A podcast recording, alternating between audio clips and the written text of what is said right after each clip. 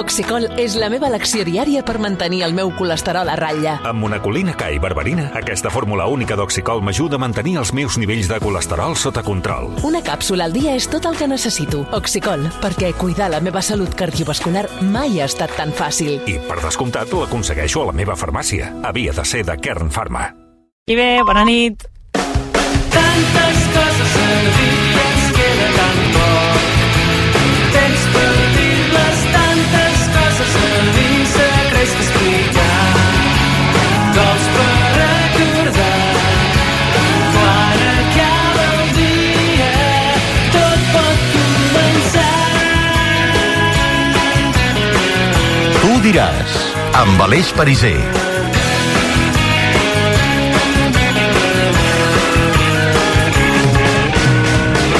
Dos quarts d'onze. Bona nit, benvinguts al Tu diràs d'aquest dijous 29 de febrer del 2024. És l'últim dijous del mes de febrer i això vol dir que tenim un magnífic públic a l'estudi que està entrant ara mateix aquí a l'estudi de RAC1. Què tal? Podeu aplaudir? Sí, sí, ja que esteu arribant, home, benvinguts. I benvingudes. Molt bé, molt bé. Aneu entrant, aneu seient, aneu-vos posant còmodes, aneu gaudint d'aquesta nit de ràdio, d'aquestes dues hores i mitja que tindrem de ràdio esportiva. Quin goig que fa avui, un dijous més, aquest estudi 1 de, de RAC1, eh? Hi ha algú que hagi vingut per primera vegada a veure el Tu diràs? Sí? Hòstia, la majoria, eh? La majoria em venen per primera vegada. Molt bé, molt bé. Seieu i passeu-vos-ho bé, perquè mira, entre d'altres coses, farem el gran concurs del Tu diràs, com sempre, al tram final del programa. Recordeu que avui tenim premis pels dos concursants eh, que participaran de les Superbikes que es faran al circuit de Barcelona-Catalunya a finals de març, d'aquí a uns 20 dies aproximadament. Després us explico amb detall què inclouran aquests premis pel guanyador i pel finalista del gran concurs del Tu diràs. I ara vindran també el Poquí, la Maria i l'Anaïs, els habituals dels dijous per fer tertúlia sobre l'actualitat del Barça. Avui, per exemple, ha parlat el president Joan Laporta en un acte de club. Us explicarem també algun detall del Barça de la pròxima temporada i també l'última hora sobre la samarreta i el debat que hi ha dins del club de si seguir o no amb Nike, com ja us explicàvem ahir. Hem de sentir què en pensen Roger Grimau i Thomas Satoransky de la possibilitat que el Barça de bàsquet vagi a jugar algun partit al Palau Sant Jordi aquesta temporada? Una informació que us vam avançar aquí a RAC1 dimarts amb els Saperes. Avui n'han parlat l'entrenador del Barça de bàsquet i un dels seus jugadors. I mentrestant anirem seguint el desenllaç de l'Atlètic de Bilbao, Atlètic de Madrid, semifinals de la Copa del Rei. Amb qui creieu, estimat públic, que anirà Joan Poquí? Atleti!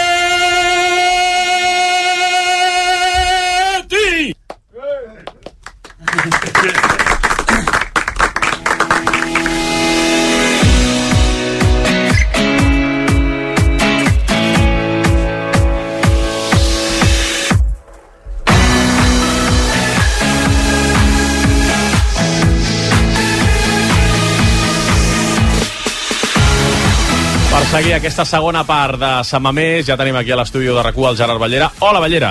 Hola, què tal, Aleix? Bona nit. Què tal? Bona nit. És a punt d'arrencar la segona meitat. Com tenim aquest partit? Doncs mira, Puquí crec que arribarà content a l'estudi 1 de rac perquè l'eliminatòria que ja tenia eh, doncs cert color blanc i vermell perquè l'Atlètic Club de Bilbao havia guanyat 0 a 1 al Metropolitano en el partit d'anada el descans està guanyant 2 a 0 contra l'Atlètic de Madrid. Això vol dir que si l'Atlètic de Madrid vol forçar la pròrroga ha de fer 3 gols en 45 minuts més l'afegit de la segona part. Eh, complicat. Sem sembla difícil. Com a mínim sí, com a mínim és complicat i més jugant fora de casa en un estadi com és el de Sant Mamés en un partit eh, que jo crec que potser no està sent tan desigualat com diu el marcador, però és veritat que l'Atlètic Club de Bilbao, les dues vegades que ha arribat, ha marcat.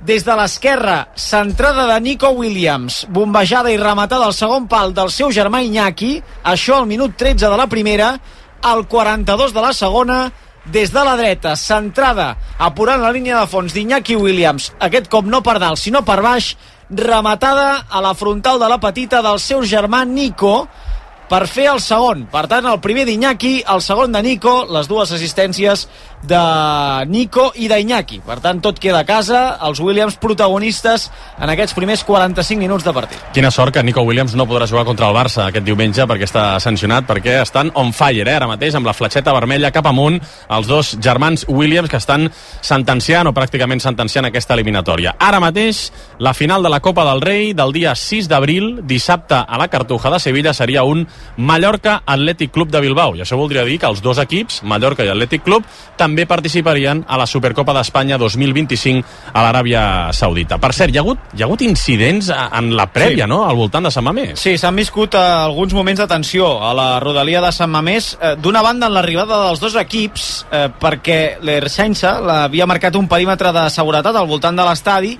hi ha hagut radicals de l'Atlètic Club de Bilbao que se l'han saltat. Eh, la policia basca ha hagut de tancar-se a dins de l'estadi fins i tot, mentre els violents intentaven carregar-se algunes de les portes d'accés a Sant Mamés i hem vist també llançar bengales eh, en direcció a la policia. Per què ho han fet? Mm, No hi trobo explicació. No sé si és que s'havien enfrontat amb la policia pel perímetre, mm, si és que simplement volien buscar brega. En qualsevol cas, John Uriarte, que és el president de l'Atlètic Club, ha lamentat l'actitud d'aquests energúmens en declaracions a Movistar. Lamentablemente siempre entre las multitudes se suele esconder personas que, pues, que no son ni aficionados de fútbol ni nada, que les da lo mismo todo y que no, que no respetan nada. Nosotros en Athletic Club estamos en contra de, de cualquier expresión de violencia y estamos en contra de, de la actitud de estos pequeños, de estos pocos aficionados que desgraciadamente han podido empañar una- un recibimiento que ha sido muy bonito. Clar, això és el que ha passat entre aficionats de l'Atlètic Club i la policia. Però també s'han produït incidents entre les dues aficions. A uns 300 metres de l'estadi, en un bar, hi ha hagut aficionats eh, bascos que han entrat a agredir alguns seguidors matalassers que estaven fent la prèvia eh, d'aquest partit. Ho explicava així, de fet, el president de l'Atlètic de Madrid, Enrique Cerezo, també a Movistar. Ha sido en un bar donde les han pillado, les han agredido y los han herido con gravedad algunos. ¿Con gravedad? Sí, con gravedad sí. ¿Están en el hospital? Eh, están en el hospital, estamos esperando noticias, pero realmente yo lo que quiero pedir de aquí a todos los aficionados del Atlético de Bilbao en esta casa, en este caso, y sobre todo a todos los aficionados de España, que el fútbol es el fútbol, que al fútbol hay que venir a ver un partido, pero no viene uno aquí a matarse ni a morir por ningún partido de fútbol ni por ninguna situación que no sea venir a disfrutar de un día de ocio y de tranquilidad. Parla Cerezo de ferits en plural de gravetat. Eh, pel que sabem, hi ha un aficionat de l'Atlètic de Madrid eh, a l'hospital. Se l'ha traslladat a, a l'hospital perquè necessitava atenció hospitalària. Eh, ha rebut com a mínim un cop d'ampolla al cap i ha acabat sagnant. De fet, hi ha alguna imatge que circula a través de les xarxes eh, socials. Eh, estem a l'espera, evidentment, de saber més informació d'aquest aficionat. Eh, la resta, pel que sapiguem, no ha necessitat com a mínim el trasllat a, a l'hospital, però sí que hi ha hagut aquest incident entre les dues aficions. Què costarà anar a veure futbol i gaudir del que és l'espectacle, no? Amb quina intenció surts de casa per anar-te a pagar o a llançar coses a la policia. No ho entendré mai, però continua passant en ple segle XXI al món del futbol i a la nostra societat. Bé, pendents del que passi, a punt de començar la segona part a Sant Mamés. Per cert, Ballera, has estat pendent també aquesta tarda de la celebració de la selecció espanyola femenina. Avui ha celebrat la Nations, que va aconseguir ahir contra França. Sí, celebració que ha durat 40 minuts aquesta tarda al Palacio de Vista Alegre de, de Madrid. Eh, a les 7 de la tarda han anat pujant una a una les jugadores a, a l'escenari d'aquest recinte. Han parlat eh, la seleccionadora Montse Tomé i la capitana Irene Paredes, però en discursos que han estat eh, molt i molt breus i vaja, mm, des del meu punt de vista tot ha estat una mica deslluït pel títol, que tampoc era un campionat mundial ni una Eurocopa eh, i tampoc estava ple el recinte, hi havia un miler de, de persones aproximadament i et dic 40 minuts de, de festa, s'ho han ventilat ràpid i, i ja està, les jugadores ja evidentment ara tornen cap a, cap a casa. Després eh, sentirem eh, algun dels discursos que han fet, eh, reivindicatius també, en, en alguns moments de la celebració, i també sentirem Alexia Putelles, que ha tornat a parlar de, de tot el que ha passat en les últimes hores i també d'aquest títol que ha aconseguit sense jugar ni un sol minut amb la selecció espanyola femenina. Del món del futbol, avui hi ha una altra notícia que és realment impactant. Han sancionat Paul, Paul Pogba amb 4 anys per dopatge de testosterona. El jugador francès ja ha fet un comunicat, després de la sentència, negant aquesta acusació del Tribunal Nacional Antidopatge. Creu Pogba que el veredicte és incorrecte, diu que està trist, impactat i que té el cor trencat, i afegeix Pogba en aquest comunicat que quan sigui lliure de les restriccions legals eh, revelarà tota la història, com va anar o què va passar perquè hagi donat positiu per testosterona. Diu que ell mai va saber o va prendre de forma intencionada suplements que violessin les normes antidopatge i acaba dient en el comunicat Pol Pogba que presentarà un recurs davant del Tribunal Arbitratge Esportiu, és a dir, el TAS.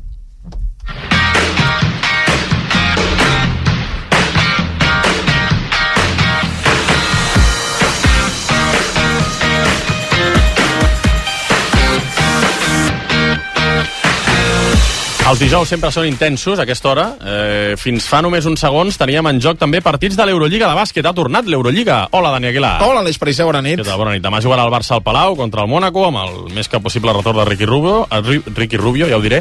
Però avui ha començat a jugar-se aquesta jornada i tenim notícia ara mateix a Madrid. Mira com ho celebren els aficionats de Panathinaikos, els aficionats grecs, perquè el Panathinaikos acaba de guanyar el Real Madrid al Wishing Center, 86 a 97. Partidàs dels grecs, Six partidàs de Matías Lesort, el pivot francès ex del Partizan, que de fet la temporada passada va ser un dels protagonistes de la famosa batussa als quarts de final entre l'equip serbi i el Real Madrid. 26 punts, 7 rebots de Lesort en aquesta victòria, insistim, 86-97, la cinquena derrota del Real Madrid. Clar, eh, des de la perspectiva culer, evidentment que el Madrid perdi sempre està bé, però és una mala notícia per al Barça, perquè el Panathinaikos és un dels perseguidors del Barça, 18 victòries del Barça, ara 17 Panathinaikos, també 17 la Virtus, que ha guanyat el València, i com dius demà, partidàs a Mònaco, a, al Palau Blaugrana, contra el Mònaco, un dels altres perseguidors també del Barça, amb Ricky Rubio ja disponible per Roger Grimau, diu el tècnic encara ha de decidir si jugarà o no. Després el sentim, el tècnic Roger Grimau, i també tot el que han dit de la possibilitat de jugar algun partit al Palau Sant Jordi aquesta mateixa temporada. I avui també tenim una magnífica notícia pel bàsquet català, i és que l'Uni Girona s'ha classificat per les semifinals de l'Eurocup femenina. És una nit històrica per l'equip gironí, empatant el millor resultat de sempre a la segona competició continental després d'un nou partidàs a Turquia sobreposant-se a les lesions de Garner i Tolo no tan sols per mantenir els 13 punts de renda davant el Galatasaray, eh, sinó per acabar guanyant el partit 81 a 83. El rival a les semis, un altre equip turc, el Besiktas, ha superat el, Monte, el Montpellier, anada la setmana que ve de nou a Turquia, dues vegades, en dues setmanes, anirà l'Uni Girona a Turquia, la tornada a Fontejau. D'aquí a dues setmanes, Sí. eh, per tant. O sigui, això va consecutiu. Exacte. Allà hi serem, a Fontejau, a veure si es classifica l'Uni Girona per una final europea. T'espero més tard, Dani, gràcies. Fins ara.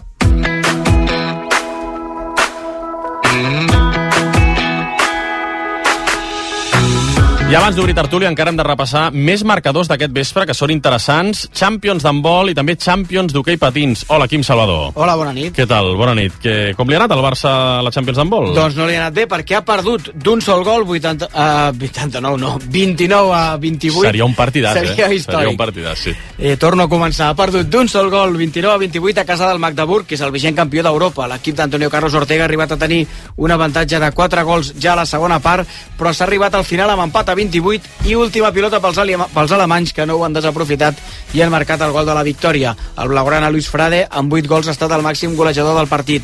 La d'avui a Magdeburg és la segona derrota del Barça en aquesta Champions, també va perdre a casa contra el Vesprem i això deixa el Barça i el Magdeburg empatats a la primera posició del grup B amb 22 punts a falta d'una jornada per disputar.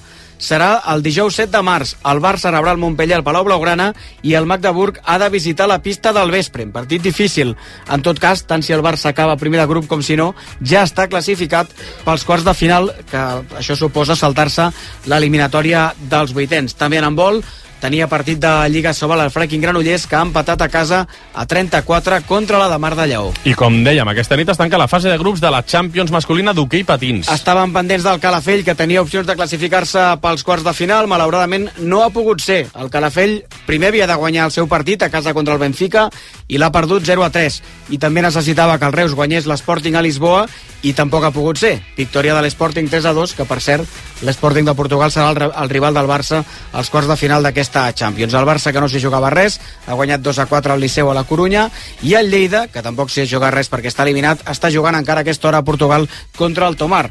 Va perdent 1 a 0. I què més em vols destacar avui del món de l'esport? una molt bona notícia dels esports d'hivern i és que Núria Núria Castan ha guanyat a Tenduldi a Geòrgia la tercera prova del Freeride World Tour femení de snowboard.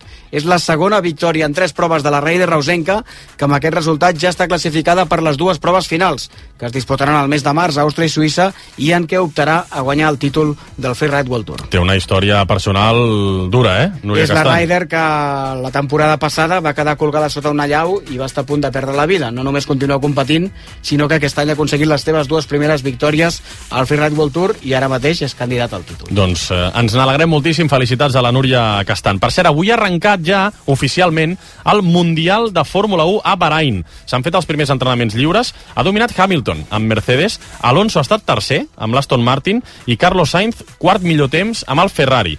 El Red Bull, sobretot el de Verstappen, discretet avui. Però veurem demà. Potser s'han guardat alguna cosa als entrenaments oficials. Més tard trucarem l'Àlvaro Demà, que és el nostre home Fórmula 1. Tres quarts d'onze, alguna novetat a Samamés, Ballera? Sí, una novetat i és que no es reprèn la segona meitat perquè els serveis mèdics estan eh, atenent a un aficionat de l'Atlètic Club eh, que necessita assistència mèdica. No sabem què li ha passat, però sí que sabem que fa 10 minuts que s'hauria d'haver reprès el partit, que hauria d'haver començat ja aquesta segona meitat. Els jugadors, els 22 protagonistes, són damunt de la gespa, els entrenadors també esperant a que es pugui reprendre el partit. De moment no ho fa.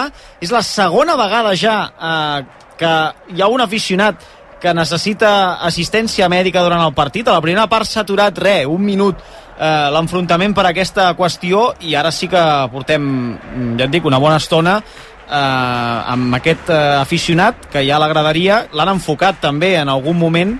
Sorprèn perquè normalment la realització televisiva de la Lliga no acostuma a fer-ho, però com que és una realització que va a càrrec, suposo, de la de televisió espanyola, mm, sí que han enfocat la zona de la graderia, em sorprèn, i vaja, tampoc ho entenc perquè em sembla bastant me, molt més correcte el que fa la Lliga habitualment que és eh, preservar la intimitat dels aficionats que es troben malament i no enfoquen mai a la graderia. Aquí sí que hem vist com durant dues o tres vegades han enfocat la zona on estaven atenent aquest aficionat tothom pendent ara mateix del que està passant a la, a la graderia i a veure quan es pot reprendre el partit Sí, sí, estan tots els jugadors sobre la gespa i tothom pendent de què passa a la graderia i de que l'àrbitre doni l'inici de la segona meitat. Deixa'm dir que l'Atlètic Club també ha anunciat que hi ha hagut rècord d'assistència. Avui a Sant Mamés més de 52.000 persones. 52.061 per ser exactes. Molt bé. Aquest estadi és el de la final de la Champions femenina. A veure si el maig l'hem de visitar amb el Barça. Ja ho veurem. Ara tornem. Va, fem una pausa i de seguida obrim tertúlia. Joan Poquí, Maria Fernández Vidal i Anaïs Martí aquí a l'estudi de rac amb el públic que avui ens acompanya en directe. Tu diràs, amb Aleix Pariser. Renew. Descobreix Renew, una àmplia gamma de vehicles d'ocasió per totes les teves necessitats. Tria entre elèctrics, híbrids, de gasolina o dièsel, recondicionats i certificats. Endut en un vehicle de segona mà totalment revisat i aprofita la garantia Renew. A més a més, et taxem el teu cotxe actual i et financem el que compris. Descobreix els vehicles d'ocasió a es.renew.auto. I a més, aquest mes condicions especials al teu concessionari Renault i Dacia de la Comunitat de Catalunya. La nova temporada de Fórmula 1 a Dazón ja és aquí. I si ens il·lusiona tant, és perquè la Fórmula 1 ens corre per les venes. Amb Alonso, Sainz i el trio Calavera. Entra a dazón.com i no t'ho perdis des de 19 euros amb 99 al mes. Bona nit. En els tres sorteig del triplex de l'11 d'avui, els números premiats han estat 69, 337 i 679. Demà, com cada dia, hi haurà un venedor molt a prop teu repartint il·lusió. I ja ho saps, a tots els que jugueu a l'11, ben jugat.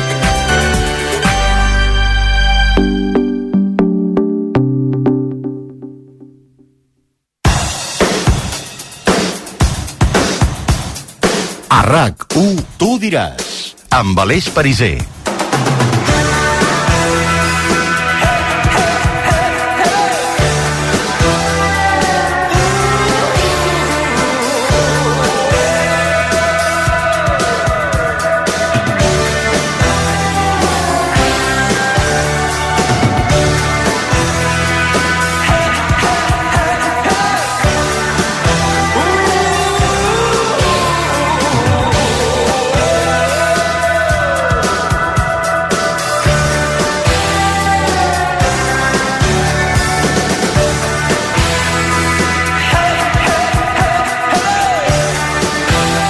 Aquí seguim. S'ha reprès el partit al final a Sant Mamés, Ballera? Sí, eh, s'ha reprès, res, portem 15 segons d'aquesta segona meitat, ja corner precisament favorable a l'Atlètic Club, s'han endut l'aficionat amb llitera eh, de, de Sant Mamés, hi havia certa tranquil·litat al voltant d'aquest eh, aficionat eh, vull dir que hi ha hagut aplaudiments de tot l'estadi, etc etc. vaja, entenc que si s'ha reprès el, el partit eh, com a mínim han pogut estabilitzar aquest eh, aficionat que se l'han endut en llitera entenc cap a un centre mèdic cap a un centre hospitalari per atendre'l però s'ha reprès el partit amb aplaudiments, com dic, cap a aquest eh, aficionat de l'Atlètic Club que ha hagut de, de requerir eh, emergència, emergència mèdica. Que no sigui res, que no sigui res. De moment continua el 2 a 0 al marcador, primer minut de la segona meitat. No marxis molt lluny, qualsevol novetat ens ho fas saber, Ballera. Molt bé, aquí Ja sabeu que la Festa Major del Motor arribarà al circuit de Barcelona-Catalunya els dies 22, 23 i 24 de març. És la cita amb el Superbikes Barcelona Motorfest. Viu les curses del Mundial de Superbikes i moltes coses més al circuit de Barcelona-Catalunya, perquè, per exemple, hi haurà fan zone, experiències gastronòmiques per tot el circuit, animacions infantils, per si aneu amb la família i amb els més petits, i també hi haurà concerts de buos i els catarres a al mateix circuit i durant aquest cap de setmana del Superbikes Barcelona Motorfest. I tot això inclòs amb l'entrada. Compres l'entrada, veus la Superbikes i pots gaudir de totes aquestes experiències. No et perdis la gran festa del motor, entrades ja a la venda a motorfestbarcelona.com. Days when the rains came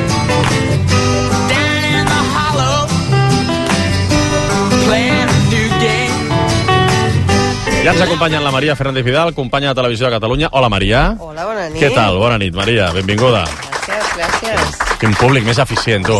I l'Anaïs Martí, companya de La Vanguardia. Hola, Anaïs. Hola, bona nit. Bona nit, bona nit.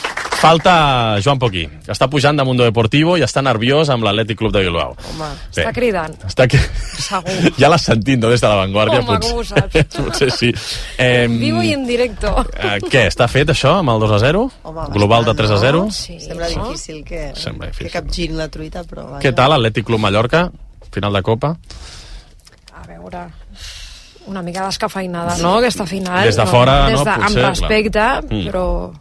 Potser aquesta semifinal és la més és més potent. potent és Sí. més potent que la, que la final, dir, tot i que el que, que ha fet el vegades- Mallorca té moltíssim mèrit, eh? De vegades hi ha aficionats que es compren bitllets i reserven hotels al, a, a, allà, en aquest cas a Sevilla, sense saber encara quina serà la final, i sovint penses, és igual, doncs mira, si és això, un Atlètic Club, Atlètic de Madrid, doncs encara que no hi hagi el Barça ja m'està bé, no? Algun partidàs així, és el que diu l'Anaïs, per mi un Atlètic Club Mallorca és un puntet descafeinat.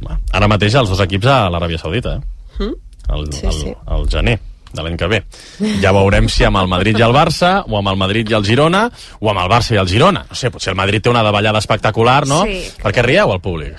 No, no rieu, riuen molt, eh, aquesta gent.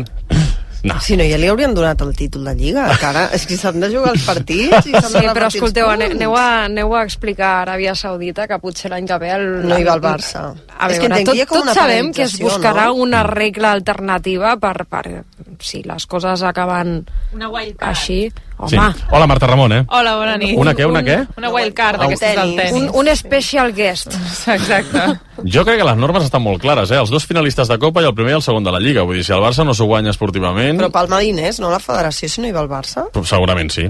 I Palma diners al Barça, també. Tam bueno, Si no hi va. Sí, més no, i, i, el, i el país en si, vull dir, la, la Marta ho, ho, haurà, ho ha vist bé, què, què passa en el- els dies que no està un- ni el Barça ni el Madrid? Que allò no s'omple ni... Que és un solar. Ni que, en fi, que tots es posin d'acord. Igual li canvien el nom de la competició i li diuen Barça-Madrid i amics. Exacte. En friends. Ja veurem què passa. Compte, compte l'Atlètic de Bilbao. Doncs mira, que arrenca Nico Williams per la banda esquerra, s'ha desfet com ha volgut del seu defensor, la posa cap endarrere. Oh, la rematada de Sancet alta per sobre del travesser. Nico Williams és una sort pel Barça que no hi sigui diumenge, Pariser, perquè ha arrencat des de camp propi, mira, s'ha fet com ha volgut a Molina, que encara l'està buscant, ja té 3 metres a camp contrari i ha aixecat el cap, li ha donat el gol fet a Sancet, que ha rematat amb l'esquerra molt malament per sobre del travesser, el 3 a 0, i el passi cap a la final gairebé. Aquests dos equips són els dos pròxims rivals del Barça fora de casa. El Barça anirà a Sant Mamés, rep al Mallorca i anirà al Metropolitano. I després hi haurà una aturada de seleccions durant 15 dies que no tindrem futbol de, de clubs. Així que el Barça pendent també dels dos equips avui en aquest partit de Sant Mamés que sembla dat i beneït. Ara, quan pugi el Poquí, tinc una petita sorpresa per ell, però primer, abans d'entrar en matèria amb la Marta, he llegit aquest article que has fet avui a La Vanguardia de les llotges VIP del nou Camp Nou? Mm. Això és, no, semblen espectaculars, eh? Sí. Home, és que és, és el gran negoci del Barça. El futur Spotify Camp Nou és el que ha de treure el Barça de, de tots els mals econòmics que té ara mateix. I si tu has de tornar el deute i, i que el club torni a ser econòmicament rentable, doncs eh, no, no, no et queda un altre que, que convertir el... A veure, que el model del, fu, del futbol del futur va cap aquí, eh? i s'han fixat moltíssim en, en aquestes gires que ha fet el Barça pels, pels Estats Units, ha pres nota dels, dels estadis i dels, dels models de negocis que segueixen als Estats Units i la clau està en els ingressos VIP. Què t'ha què t'ha cridat l'atenció de, de, de, del que has pogut indagar i explicar avui a La Vanguardia? D'aquestes Oh. llotges? Home, doncs que al final crec que és un concepte de futbol molt diferent al que estem acostumats eh, fins ara, perquè és veritat que sempre hi ha, fins i tot a Montjuïc, hi ha un parell de, de llotges eh, VIP on, on van les personalitats importants i dins hi ha càterings, i... però clar, això és, és un punt de negoci que va més enllà del, del futbol, és a dir, identificarem l'Spotify Camp Nou com un espai on no només es juguen partits de futbol, sinó que passaran moltes altres coses, no? Hi haurà concerts, hi haurà reunions, hi haurà un hotel, hi haurà... serà un punt de trobada mm, més de negocis turístic i, i per la gent d'aquí, vull dir, serà moltes coses, no només un lloc on tu aniràs a veure partits de, de futbol, és un model de negoci que canviarà completament Mm. I llavors també et preguntes com quedaran els preus no? per la gent que vulgui anar a veure els, els, els partits perquè lògicament si l'oferta és, és diferent doncs els preus Ho pujaran hauràs de pagar. Eh, per, per la gent que ens acompanya aquí, la que ens està escoltant a casa, que potser siguin socis o que... Eh, què trobaran allà dintre? Alguns elements? Eh, explica alguns, alguns elements que hi haurà allà dintre. Doncs es trobaran, per exemple, quan, quan entrin a... Si algú d'aquí té la sort de poder entrar a, a, algun dia en una d'aquestes eh, llotges VIP, doncs són, són unes eh, instal·lacions amb, amb una espècie de hall amb una barra col·lectiva on la gent està allà eh, prenent coses Networking. abans exacte i fent negocis i després estaran les llotges eh, més petites, dos tipus de llotges una on hi haurà càtering privat per grups de eh, entre 3 i, i 6 persones i unes altres que seran una mica més eh, econòmiques on simplement s'anirà a veure el partit i on, on no hi haurà aquest tipus de, de serveis extras. Això és el que se sap fins, fins al moment. Després, evidentment, hi haurà l'anella televisiva, hi haurà moltíssimes... Eh, mo molts negocis, perquè al final tu has de procurar que les empreses d'aquí, de, d'aquí, de Catalunya sobretot, i, i vagin i sigui un punt de, de sinergia no? eh, econòmica on, on tothom hi pugui treure alguna cosa de, de profit. Veure Tot allò que diuen que passa, no? A la llotja del Bernabéu, doncs també aquí. A veure quan ho veiem, no? Una mica. A veure quan Sí. ho veiem. De moment diuen que va a bon ritme i que pot ser que el, ja, el, no, com està previst a finals de novembre pugui obrir-se la primera i segona és una graderia. cosa, sí, Després s'haurà d'acabar. Clar, després ho hauràs d'acabar i és aquí on està el dubte de saber que ara de moment doncs, les coses van bé, però que clar, que d'aquí al 2026-27 eh, construir una tercera graderia és, és la part important de, de, del que és la, la nova instal·lació perquè al final ara doncs, estan aprofitant la primera i, i, i la segona, no? Vull dir que... Però bé, som, som optimistes en que les obres acabaran, acabaran a temps. Tant de bo. Entra a l'estudi de rac i el sumarem a la taula. Joan Poquí. Què tal, Poquí?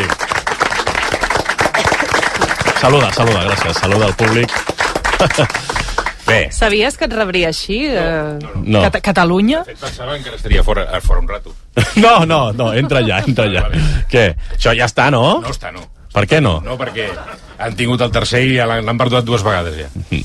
Això no es pot acabar, Estàs, mai. pat, estàs patint? Sí, sí. Sí.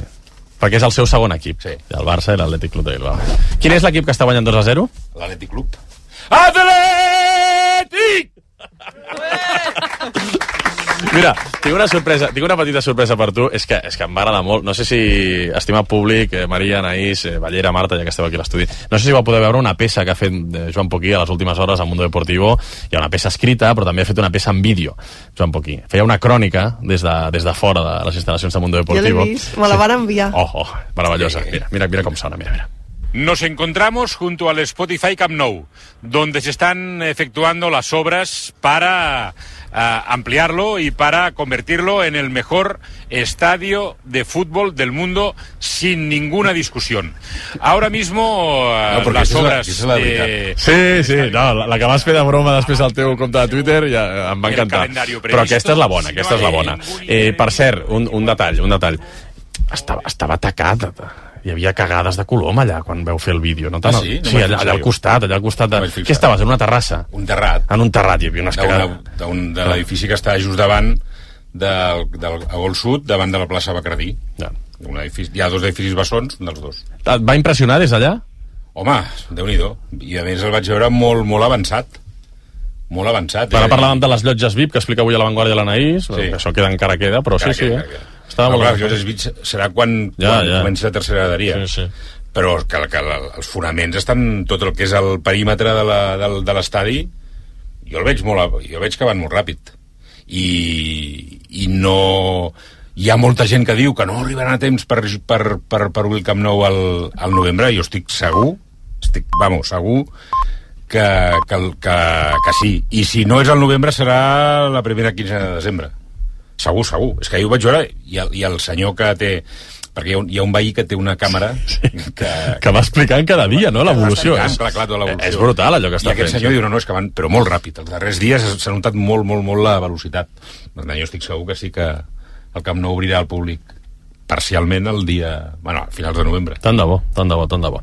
Mira, avui eh, la Porta ha parlat del futur del Barça eh, en un acte. Sí, tant de bo perquè està bé la, la cotxambre aquesta d'allà dalt. Sí? Està bé, home, ja està bé, tu. No, no me n'havia adonat que no Posa molt nerviós t'agradava cada vegada més, Montjuïc. cada vegada És que l'altre dia es- feia molt fred, Feia per ser molt, un però partit molt. a les 4 i... qu- Estarem Ah, d'acord sí, que feia sí. molta... ra- Un fred, Ah, sí? però, però increïble. Jo Eh? Vam amb- acabar el partit amb amb, amb gorro, eh, amb, de- amb des de- guants...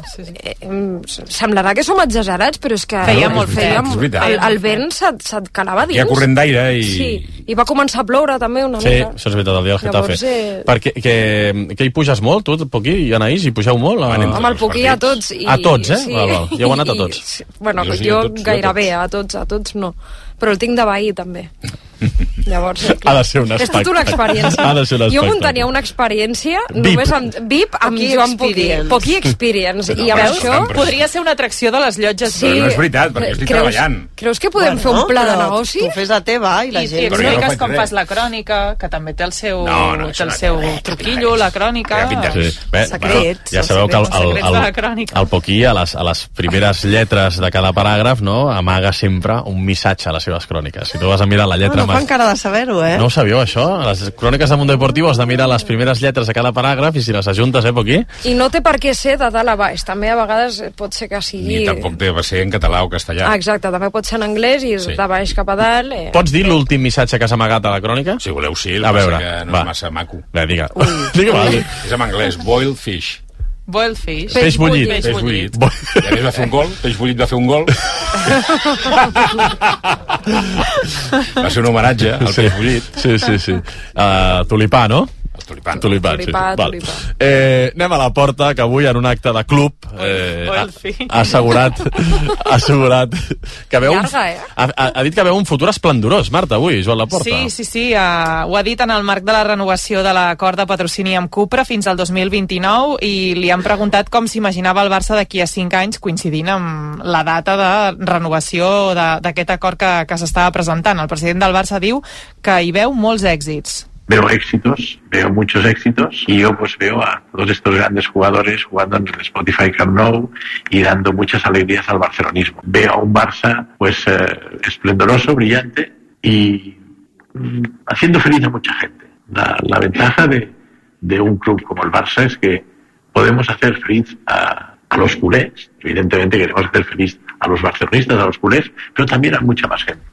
Felicitat per, per tothom, un Laporta que destaca que d'aquí a 5 anys tot això passarà al nou Spotify Camp Nou, però que també amb el Palau Blaugrana acabat i en marxa, en què diu que s'hi podran celebrar finals d'Eurolliga.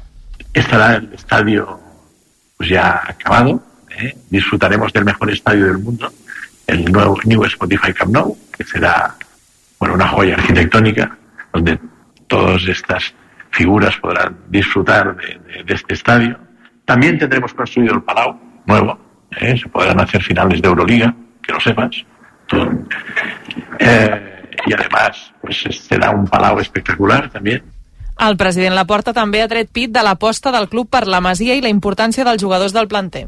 Tenemos la suerte que los formadores que tenemos son, tienen, están muy capacitados.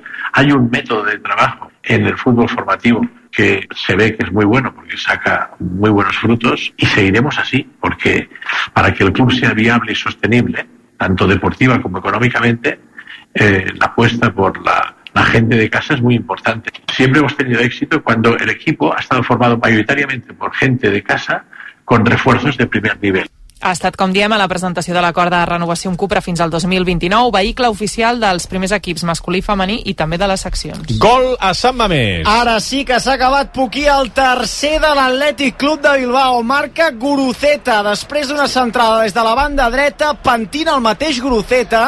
El segon pal la recull Sancet, que amb cama dreta uh, intenta rematar el par llarg de la porteria d'Oblak, atura el porter de l'Atlètic de Madrid, però fa allò que no s'ha de fer mai, que és deixar el refús diguéssim que la frontal de la petita, refús centrat, Guruceta el més llest, el caça i fa el tercer a la, al quart d'hora de la segona, Atlètic Club de Bilbao 3, Atlètic de Madrid 0, ara mateix l'Atlètic de Madrid n'hauria de fer 4 per forçar la pròrroga, 4 en mitja hora. Estem parlant ja d'una cosa gairebé impossible si tenim en compte més que eh, estava dominant l'Atlètic Club, més diria que la, en la primera meitat en aquest inici de la segona. Poquiqui, ja estàs tranquil, no? Però és una tova, és una tova a l'Atlético, no? Em sembla exageradíssima el resultat. El de Madrid absolutament entregat, eh, trencat. Ara, bueno, ja no es pot dir mai. No, home, no, Mare, sí, però és- a veure, a veure, a veure. Està Eh, fet, no està fet, està fet. Però, però, però realment, eh, compte perquè diumenge hi va el Barça, a aquest estadi, en aquest estadi. Eh? Guanyar, guanyar el Barcelona. Però avui s'ho han deixat tot al camp. Està, diumenge Sí, eh? hauran home, de recuperar-se. I a més no estan ni Iñaki, ni Iñaki Williams ni Vivian. Iñaki sí, Nico, no? És... Ai, Nico, perdona, Nico, Nico, Nico, Nico, exacte. Nico, Nico Williams ni Vivian. I Yuri no està jugant avui, no? No, està jugant l'Eque de lateral esquerre, ell és lateral dret, o actua com a lateral dret. Bueno, Yuri, Yuri és lateral esquerre. Yuri és lateral esquerre, però està jugant a la seva posició, ha jugat de, com a lateral esquerre l'Eque, però no hi està acostumat. Bueno, però no és, no és baixa segura encara, no? O sigui, No, no, avui fins i tot era dubte fins a última hora, veurem com evoluciona, però vaja, és que ja entre un partit i l'altre hi ha menys de 72 hores, vull dir que veurem si Aquesta arriba gent no. estaran pensant en la Copa només. Jo, jo crec que el Barcelona guanya diumenge. És que mira com està Sant Mamés ara mateix, vull dir, la festa avui serà llarga i mm, eh, tenen pocs dies per recuperar i tornar a jugar. Sí, Sí, sí, la ressaca i a més la feina la tenen feta. Vull dir, han aconseguit arribar a una final de Copa contra un equip que no serà el Barça ni la Reial Societat, vull dir que és, és la, la millor opció que tenen de tornar a guanyar aquesta Copa. No la guanyen des del 84, eh? Sí, sí. Aquella contra el Barça va ser, no? Sí, ho sé. Clar, clar. I de les, de les hòsties, el Maradona, Sí, sí, sí, sí. el Sola, el, el Miguel i repartint, i, i pagant-li amb ell també. Sí, sí. Des d'aquell dia no la guanyen. De la porta voleu fer algun comentari del que ha dit en l'acte aquest de Cupra, el president? Jo només un, un que... La peça que, que hem fet per Mundo Deportivo he posat literalment el que ha dit, és a dir, que la pregunta li preguntaven eh, com veu vostè el Barcelona d'aquí 5 anys, no? I ha dit, bueno, pues, s'ha quedat una mica així, no, no, la pregunta quan l'ha processat contesta, bueno, doncs el veig guanyant títols i aleshores, jo, error meu, he, he titulat veo al Barcelona esplendoroso y ganando títulos dentro de cinco años. Clar, Clar. hi ha molta gent que ho ha interpretat com que Fins d'aquí 5 fins a, anys. i no, ell no ho ha dit en cap moment això ell ha dit que d'aquí 5 minuts d'aquí 5 anys sí. d'aquí 5 anys veu el Barcelona guanyant no, no ha dit que haguem d'esperar 5 anys, m'entens? 5 anys veu un Barcelona guanyador i Clar, esplendorós. ha, ha sigut error meu en el titular però és que tinc una quantitat de gent dient on va aquest home 5 anys sense guanyar res? Que no, no ha volgut dir això, pobre home. Tant de bo no sigui així. no, ha estat, Vull, vull dir que, ha estat que, correcte no, vull que a dia d'avui Sí, a, di, dia d'avui el futur no pinta a curt termini no pinta molt esplendorós a no ser que el Barça trobi no, diners eh, per subsanar tots els problemes econòmics que té però a dia d'avui fitxar, fitxar no pots mm, fitxar massa no jo tens massa celebraré marge. com un títol que Mbappé no vagi al Madrid. Ja ho he Ui. decidit. Tu creus que per anirà mi o no? és el... No se sap mai. Però creus que és evitable això, Anaïs? Perquè és que... Escolta, fa dos dies estaven allà sopant amb, amb, el, amb el senyor aquest que ve de, de, de Qatar L'Amir, i, l'Amir, i sí. l'Amir de Qatar i ha assegurat que, que no havia signat encara. I tenim portades del marca dient que Madrid, que Mbappé Sí, ja sí, està. sí. Llavors, com que s'han vist coses molt estranyes i fa anys que ho donem per fet... És que jo, si vols, t'acompanyo no a posar el vegi- Siri. Jo, jo vinc amb tu a posar el Siri. Home, i pugem a Montserrat, I vull dir, tant. jo ho celebraré com vaig. un títol. Jo vaig pujar en bicicleta. Mm. Ah, és No fa- veritat. no, Sí, sí, sí. És L'any veritat. passat, no? Sí, Estic sí, viu sí. de miracle. Sí, sí. En un moment estava arribant i veia, veia, veia llums i àngels que em, em feien poquí, vine cap aquí, però vaig resistir. Rosa Doncs mira, ens d'abril. anem amb M'encantava, bicicleta, amb el Poquí, a Montserrat, a posar No. un Siri perquè Sí, Mbappé no exacte. fitxi pel Real Jo estic amb Madrid. l'Anaïs que fins que no ho vegi eh, Jo ho he de veure, signat això. i publicat oficialment no m'ho acabaré de creure, tot i que crec que aquest cop sí. Però mantinguem aquest petit percentatge d'adopcions que no i pugui a més passar. de, eh, contextualitzem, eh, aquest cop sí, igualment mm, perquè el Madrid en sortirà es- mm, tenim la impressió que en sortirà molt beneficiat esportivament però el col·laborat és eh, aquí, aquí estaríem trinxant a la directiva que ja va passar amb Griezmann i va ser un any només I amb Coutinho, no? També? i aquest no és que els hagi Amb fet la Cesc. botifarra un any, Amb els ha Cesc. fet un altre i un altre i un altre Sí. Jo m'abono a la teoria d'Ernest Folk, que és que pot ser una bomba de rellotgeria allà dins. Home, això segur. Home, Be sí, Bellingham, Vinícius segur. Mbappé, Vinícius... De, com deia Johan? Muchos gallos? En- en el mismo En el gallinero, mismo gallinero. Doncs això. Doncs, sí. mi- El que passa que jo també ho penso, això, eh? Però hi ha, hi, hi ha gent que ho compara amb el, amb el Madrid Galàctic de principis de segle. Mm. Jo també alguna vegada amb, amb, amb tertúlies, amb algun merengue també, també ho he dit, però la, però la veritat és una altra. Aquell Madrid, el Florentino Pérez, era aquell de Cidanes i Pavones, el va fer mm. Eh, comprant cromos a base de talonaris, és a dir, primer el Figo, després el Zidane, després el Ronaldo el Gordo, etc fins que, fins que anava, anava fent cromos. Aquesta vegada no, aquesta vegada jo crec que el Madrid porta anys fent una bona plantilla.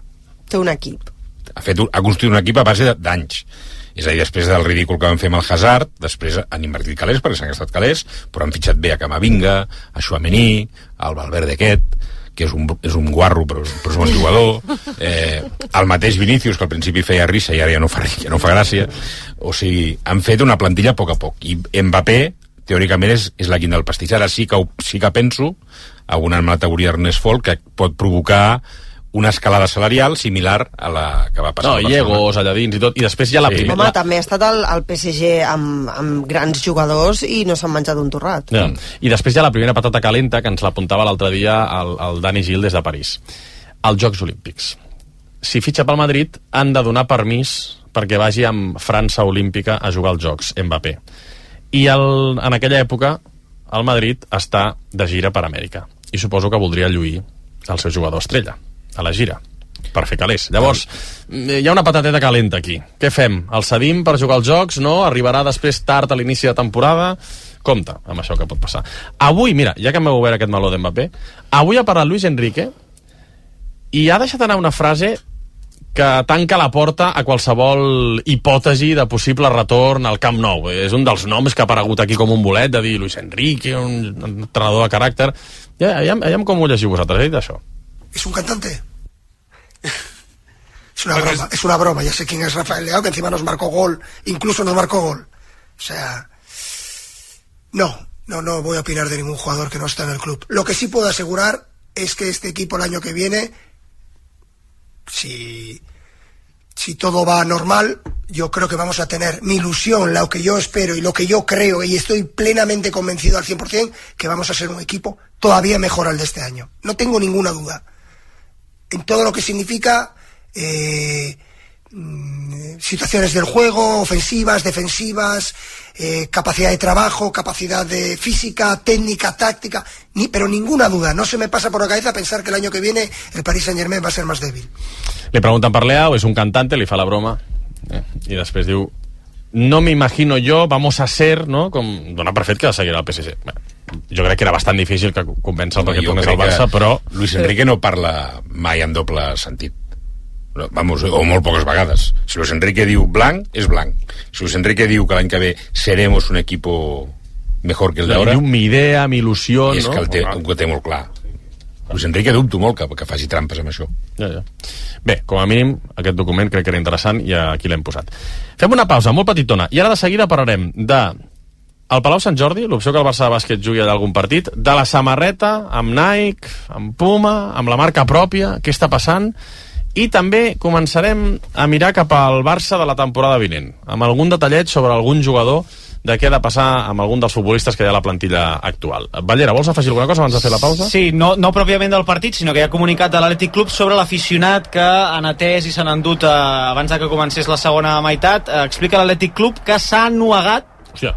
Uh, sí, sí, s'ha ennuegat al descans i l'han hagut d'estabilitzar, diu que està estabilitzat, l'han uh, portat a, en un centre hospitalari, se l'han portat, de fet, amb llitera, però que el motiu ha estat això, que s'ha ennuegat i, i vaja, l'han hagut de- d'estabilitzar allà mateix els serveis mèdics després per endur-se a l'hospital. Això- està estable i... Això és fotut, eh? Sí. De veritat. Home, sí. No, no, no, que...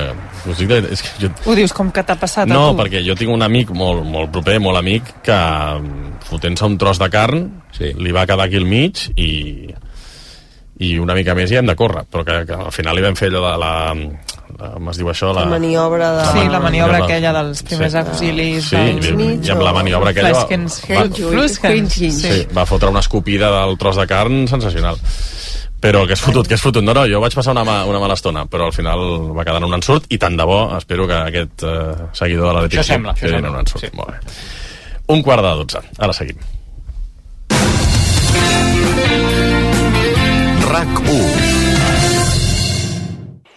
Busques feina? T'agrada cuidar la natura i treballar a l'aire lliure? A l'Institut Municipal de Parcs i Jardins de Barcelona convoquem 75 places de jardineria i poda. Vine a treballar amb nosaltres. Informa't a barcelona.cat barra treball als parcs. Ajuntament de Barcelona. Deixaries el teu canari al veí de la manada de gats salvatges?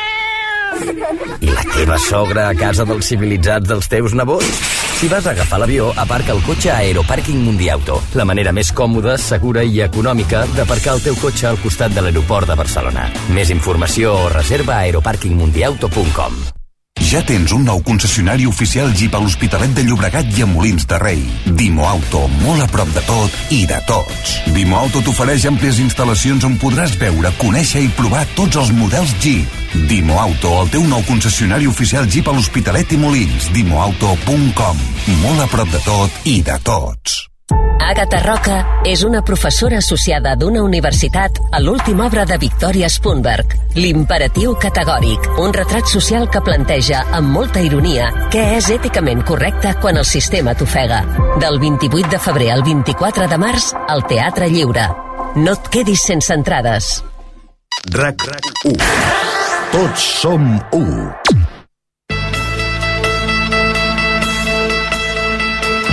Tu diràs, amb Aleix Parisser.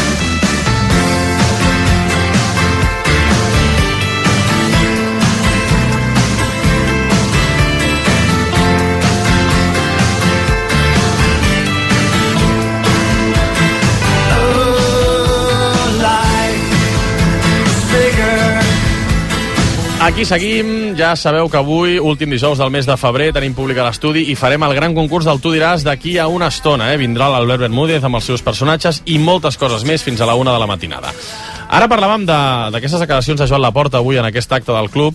Eh, ha dit que tindran el millor estadi del món de futbol i també ha parlat del nou Palau. Doncs bé, en aquests últims dies us hem anat detallant aquí a rac aquestes converses que hi ha hagut entre Barça i Ajuntament de Barcelona per eh, mirar de, de, de pujar al Palau Sant Jordi a jugar algun partit de bàsquet, eh, del Barça de bàsquet, aquesta mateixa temporada. De fet, eh, la junta directiva està patint un poquit. Sí, sí, sí, patint. La Estàs, estàs content amb la, això també. sí, la Junta Directiva ha, ha fet una enquesta, un qüestionari als socis aquests últims dies per saber si estarien disposats o no a pujar al, al Palau Sant Jordi. Eh, avui n'han parlat des del vestidor del Barça de bàsquet, Dani Aguilar. Hem sabut Sí. sí. l'opinió eh, de la plantilla i de l'entrenador del Barça de bàsquet. Bastant Mentre- contundent. Bastant contundent, sí. Mentre seguim esperant l'opinió dels socis, perquè això, aquest treball de camp n'haurem de saber els resultats. Clar, avui hem anat a la, a la prèvia de, del partit de demà davant el Mònaco. Eh, no és habitual que hi hagi un nivell de contundència en les declaracions de, de les plantilles tan gran com, com la que hem vist avui. Bàsicament, no veuen amb bons ulls jugar al Sant Jordi, ras i curt. Em, està a les beceroles aquesta situació, el club està arrencant, la lògica diria que tothom n'és a l'una, però eh, és clar quina és l'opinió de la plantilla i escolteu què ha dit, per exemple, Thomas Satoransky. Para mí, ah, el Palau, durante, cuando estás cambiando cosas durante la temporada, no, no es algo que veo muy positivo, ¿no? Yo creo que estamos muy acostumbrados de este Palau de esta temporada donde la verdad que el apoyo de la afición es increíble y I també li hem preguntat a Roger Grimau, és eh, en Roger un tio molt prudent, ja ho sabem, però després se l'ha entès tot. Doncs ja sabeu que jo, tema xarxes i això, no tinc ni idea, no, em sonava que hi havia alguna cosa. Jo estic profunda i absolutament enamorat del Palau Blaugrana. I ja està. Clar. Ara t'anava a preguntar una cosa, però em sembla que amb les paraules de, de Grimau ja ha quedat clar. És a dir, la primera consulta que han fet no ha estat a l'equip? No ho ha deixat clar. Li han preguntat, de fet el company Àlex Massana crec li ha repreguntat uh, sobre si mm, se li havia plantejat a la plantilla i als jugadors i ha sortit per pataneres. Aquí en Roger no, no, no ho ha especificat. Però a mi la, la, la temperatura que em dona és d'un rebuig frontal. Total. Vull dir, perquè sortir de prim- de primeres a dir això d'una manera tan clara, jo crec que a part és una cosa parlada a la plantilla i dir, no, no, no, Que al Sant Jordi... n'han assabentat per, per altres Sí, sí, llocs i han sí, dit, sí. home, només faltaria, anem a ser clars Sí, i sí. contundents, però em sembla que la primera cosa que hauria de fer el club és preguntar-li a l'equip de bàsquet si està disposat a que el club s'encarregui de fer aquestes gestions per tirar això endavant. I més en una temporada en què el Palau està sent tan important. Perquè és una temporada... El 88% de partits d'aquesta temporada els han guanyat, al Palau. Clar, és, és, és una temporada amb molta És fragilitat. que ho, he, ho, hem, ho hem dit al tema, eh? no, Ah, no és que m'hagi vingut la xifra així. Com ho sap, eh? Sí. No, De crec fet, que va són haver-hi- 23 de 25. em Va haver un rècord d'imbatibilitat al Palau, uh, aquesta temporada al Palau està sent clar, com perquè et vinguin i diguin no, mira, ara has d'anar cap allà, home. Sí, el que mm, passa que ha... Jo, jo estic d'acord amb això, eh? és a dir, crec que és fonamental, però hi ha un component econòmic clar, i és que en alguns partits de- d'Eurolliga o alguns, alguns clàssics amb el Madrid que puguis enfrontar, el Barcelona calcula o pensa que el, el Palau Sant Jordi pot col·locar més gent i per tant fer més taquilla en un moment que el Barcelona ho necessita que va molt tieso de, de calés i que va molt endarrerit respecte als càlculs del taquillatge ja no, no, no del bàsquet sinó en general de tot, de tot el club, sobretot del, futbol, del primer equip de futbol. Per tant jo entenc que el Barcelona sí. que, el, que la, la directiva s'ho pla- s'ho s'ho plantegi. Però posant en la perspectiva, pel que entenc, això és opinió, interpretació, no informació, però la plantilla diu, val, d'acord, aquests partits, Joan, dels quals parles, seran partits clau de temporada, perquè si no la gent no puja a veure, el Barça és igual, no vull posar exemples. Però el Barça-Madrid de la CB no serà tan clau, potser el del 7 d'abril. El, sí, crec que és Val, el 7 d'abril. val. Si és aquest que, exemple, passa, potser- Passa que és, està molt a prop, és molt sí, difícil de fer. ll- Llavors, clar, un pot pensar, hosti, anem a modificar tot l'ecosistema que portem treballant tota la temporada en un partit que pot ser clau. Jo què sé, et poso uns quarts de final de l'Eurolliga. Anem al Palau i anem a quedar 7.000 persones allà i que ho rebentin com ho estan rebentant tota la temporada. En Entenc que això és el que cas, penso. Jo entenc el que diu el Joan, també, Sí, però sí, sí. en qualsevol cas eh, em sembla eh, com molt fàcil dir eh, hi ha aquest, aquesta qüestió anem a sumar els del bàsquet en, que ens ajudin a fer més ticketing però clar, no a prendre decisions unilateralment i passant d'ells, perquè llavors sí que no sumes a ningú Sí, sí. Ja, ahir, dir, ahir vam explicar per això. i veure quin, quin partit us aniria bé, a nosaltres ens aniria bé una cosa així, una... pacta-ho, suma la gent al teu carro, però no vagis pel teu compte. Ahir vam explicar també que a la directiva hi ha la por de dir, o es va preguntar de dir, escolta, que no passi una Eintracht de Frankfurt. És a dir, no portem aquí un partit d'Eurolliga i que vinguin 8.000 grecs i això sembli fora de casa. Que n'hi ha molts, eh? O 8.000 serbis. Ah- Ahir vam explicar això. Doncs no se'ls hi permet l'entrada. Bé, això és l'Entra, que en principi tampoc se'ls hi permetia. I després, i després... Tot va ser una negligència Sí, sí, sí, sí, Aquestes sí, com- com... es pot evitar eh? Sí, sí, sí. I aquestes converses també hi són perquè l'Ajuntament, és un win-win, perquè l'Ajuntament seria per ells com una prova de dir, val, podem acollir una Final Four al Sant Jordi. El Barça hi pot guanyar diners i l'Ajuntament podria veure com seria la logística de fer una Final Four al Sant Jordi. Tot i que ara mateix... Ja n'hi ha hagut una. Tampoc estem parlant de ciència ficció, eh? Ja, però ha canviat molt del 2003 ara. Bueno, però Barcelona va guanyar una Final Four, sense sí. el Sant Jordi. Ara per això... Amb Enric Reina, president. Sí, eh? fa mala pinta això de la Final Four de, del 2025 Sí. perquè Abu Dhabi, no? Abu Dhabi està Sí. posant 75 milions per les tres eh, Finals Fours eh, pròximes vull dir que això és innegociable ara mateix a veure, anem a fer una petita enquesta Oriol Jové, què tal? Bona Hola, nit. bona nit. Bona nit. Eh, Aquí al públic que tenim avui a l'estudi Sí. oi que hi ha socis i abonats del Palau? Pot ser o no? I assidus del bàsquet, algun Sí. sí. aficionat... Mira, aquí primera fila. Hola, què tal, com et dius? Xavi. Xavi. Uh, aviam, el Xavi, uh, a tu et sembla bé això, que el Barça pugui jugar algun partit important uh, dalt a Montjuïc, al Sant Jordi? Home, jo entenc aquí que és, és una mica complicat eh, quadrar tots els gustos i necessitats. Jo vaig ser-hi a la Final Four de, del 2003 i l'ambient era brutal. Per tant, vull dir, es pot fer ambient, el que passa que sí, potser per segons quins, quins partits, no? Un, un partit amb el Breugan no, no, no fa sentit. L'únic que... Això no ho farien, Xavi. ja, ja ho pensarien bé. No, ja ho sé. El, el tema és que ara, pel que es veu, i sobretot amb, amb l'arribada de Ricky, eh, estan totes les entrades venudes i veuen que estan perdent calés perquè no poden vendre més. Clar. I, a més, els preus que han posat a molts partits abans, eh, doncs per 18 euros tu pots anar a veure un partit de, de, de, ACB perfectament. Llavors, clar, s'omplen molt ràpid i ara ells voldrien pensar, hòstia, si haguessin pujat a 40 o 50 euros les entrades i ara no tenen altra opció, no? Tu hi pujaries, eh? Jo sí, jo sí. Aquí davant hi ha... eh, Aquest, ets abonat al Palau, també? Sí, aviam, veure, per aquí- pregunta-li. Sí, també em dic Xavi, sí. Ah, Ostres, Molts. Xavis avui, eh? Del bàsquet i Xavis, eh? Um, tu hi pujaries? Jo sí que hi pujaria, vull dir, com l'altre Xavi, vull dir, un Fuenlabrada, un, no sé, vull dir, tot això seria complicat, no? A veure, el, pa, el Palau és el Palau, amb els dracs, eh, allò és una olla, vull dir, el, el mes de juny, una final, no?, de a l'ACB contra el Madrid, suant el mes de juny a les 9 de la nit. Un altre factor a tenir en és, compte, és, eh? és, és que és, el, el, Palau, el Palau és el Palau, vull dir, això no... no vull dir, però hem d'entendre i hem de valorar, vull dir, jo crec que hem d'entendre la viabilitat econòmica del club, el que deia el, el company, bueno, l'Alès, tal, el ticketing, no sé què, vull dir, o sigui... Però tu hi pujaries, eh, llavors, un partit puntual? Jo hi pujaria. Va, val. I escolta, aqu aquella noia sí, allà que ha hi vingut... havia, exacte, l'última fila... una noia, crec que també era... Ets abonada al Hola, què Palau? tal? Com et dius? Clàudia. Uh, Clàudia, què tal? Et motiva la possibilitat que el Barça pu- pugui jugar un partit a, al, al Sant Jordi? Uh, et faria il·lusió anar-hi, anar-lo a veure? A veure, no segueixo molt el bàsquet, la veritat, Ai. segueixo més el futbol, però bueno, sí, ja vaig a Montjuïc a veure el futbol, doncs també podria anar a veure el bàsquet, no hi ha cap problema. Veus que bé? Que, que et convidin algun dia, no? El pare, el pare, per exemple, que ha vingut amb el pare, oi? El pare va al Palau o no el pare? El meu pare va molt al Palau, ara Ah. està tímid, no... Senyor, és senyor molt pare, digui'ns... Digui'ns si pujaria al Sant Jordi només. Jo sí. sí. Això del Barça és un vici, per mi vaig on, on calgui. Oh, que bé, veus? Caram. Caram. Clar, clar, clar. Li han enviat el qüestionari? Sí, però no, sí, però no l'ompliré encara. Home, he, he vist home. el mail, però l'ompliré. La seva opinió segur que agrada a la Junta Són, Directiva. són 3-6, no? Sí, sí. 3-6 de moment. Tres, o sigui, els sí. 3 Hi ha algú que, 3. que pensi que no? Mira allà. Allà, eh? Va, va fem l'última opinió d'aquest seguidor. Cuidado. Ha volat un mòbil, compte. Hola, què tal? Bona nit. Bona nit. Bona nit. Com es diu vostè? Carles, jo crec que, que no, que no mm, fer-lo ara, fer com el mateix que ha fet el, el futbol allà dalt, voleu dir que, que la gent pujarà... Però serà Ara un estem- partit, un partit serà puntual. Un partit puntual allà dalt, amb el transport que queda malament. Però ho han arreglat ara amb les llançaderes, no? Sí, però bueno, però quanta gent puja en el futbol o partits clau? Bé, no, home, ja han pujat 40.000 persones, no, ja, aquest any. I 50 al dia al Madrid. Sí, el dia del Madrid és el... Clar. Ui, ui, ui. Ja, ja. espera, espera, espera, espera, perdoni, què ha passat a Sant Mamés? No, ha passat que Aguirre Zabala està fent un partidàs, I eh? Perquè l'Atleti de Madrid podria portar perfectament un golet ja en aquesta segona part. Està apretant en l'últim quart d'hora. Queden 6 minuts i mig més l'afegit.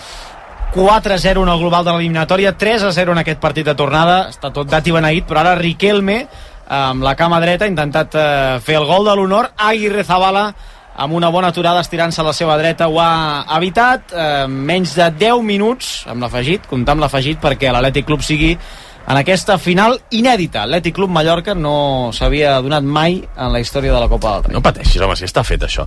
A veure... Uh, Sí, teníem un altre oient aquí aquest, al... Aquest senyor diu que no, a veure, sí, un altre, aquí al final que em sembla que també arrufava el nas amb la possibilitat d'anar a jugar un partit al, al Sant Jordi, almenys. Uh, hola, què tal, com et dius? Hola, em dic Pau.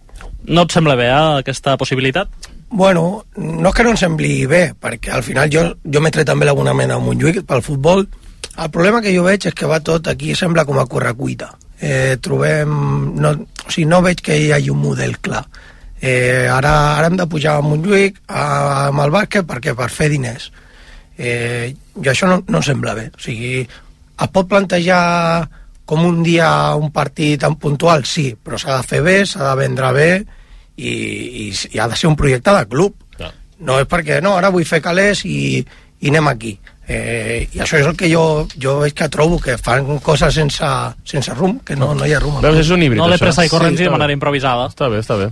amb, amb un matís que de fet ho lligo amb el que deia la Maria que jo crec que és, és, és bastant, per mi és clau que és, el Barça no, no està dient eh, la setmana que ve ens anem a jugar al Sant Jordi, el Barça ha fet un qüestionari als socis, n'extraurà els resultats i llavors decidirà al veure bla bla bla Sí, però hi ha, hagut- hi ha hagut converses amb sí, sí, l'Ajuntament sí, sí. per saber Aleix, si, quin, quin lloguer s'ha de pagar... Totalment, totalment. Però el que no pot ser... Els manguis aquests. Home, Exacte. perquè- perquè El- per no, plantar- Manqui, això ho has dit tu, eh? Dic jo exacte i em foto tu en Llonsis. Perquè per plantejar-ho has de saber primer si ho pots fer, no? Vull dir, si no parles amb l'Ajuntament no saps Clar, si això correcte. ho pots fer o no. No pots plantejar una cosa que no has mirat si és, si és viable o, o no. Primer mira si és viable, després preguntes a la gent. I aquí s'hauria d'haver involucrat també al, a, la, a la plantilla, Aquí que vaig. és el que falta. El que no pot ser és que la primera veu oficial que et parla d'això és l'entrenador que diu "Pff, jo? O Satoranski que diu no, no, no, jo no. Aquí és on sí que mm, jo, jo, sí, que les coses es facin precipitadament. El club ha enviat aquest qüestionari, està fent la feina millor o pitjor, però el que ha d'haver-hi un, un, alguna, un, o sigui, ha d'haver una organització millor perquè el que no pot ser és que a primeres de canvi, al segon dia de saber-ho, et surti el tio de la plantilla i et digui que per ells si no hi tu ho fas anirien. bé, no és una mala idea, eh? Clar, correcte, no correcte. Sembla...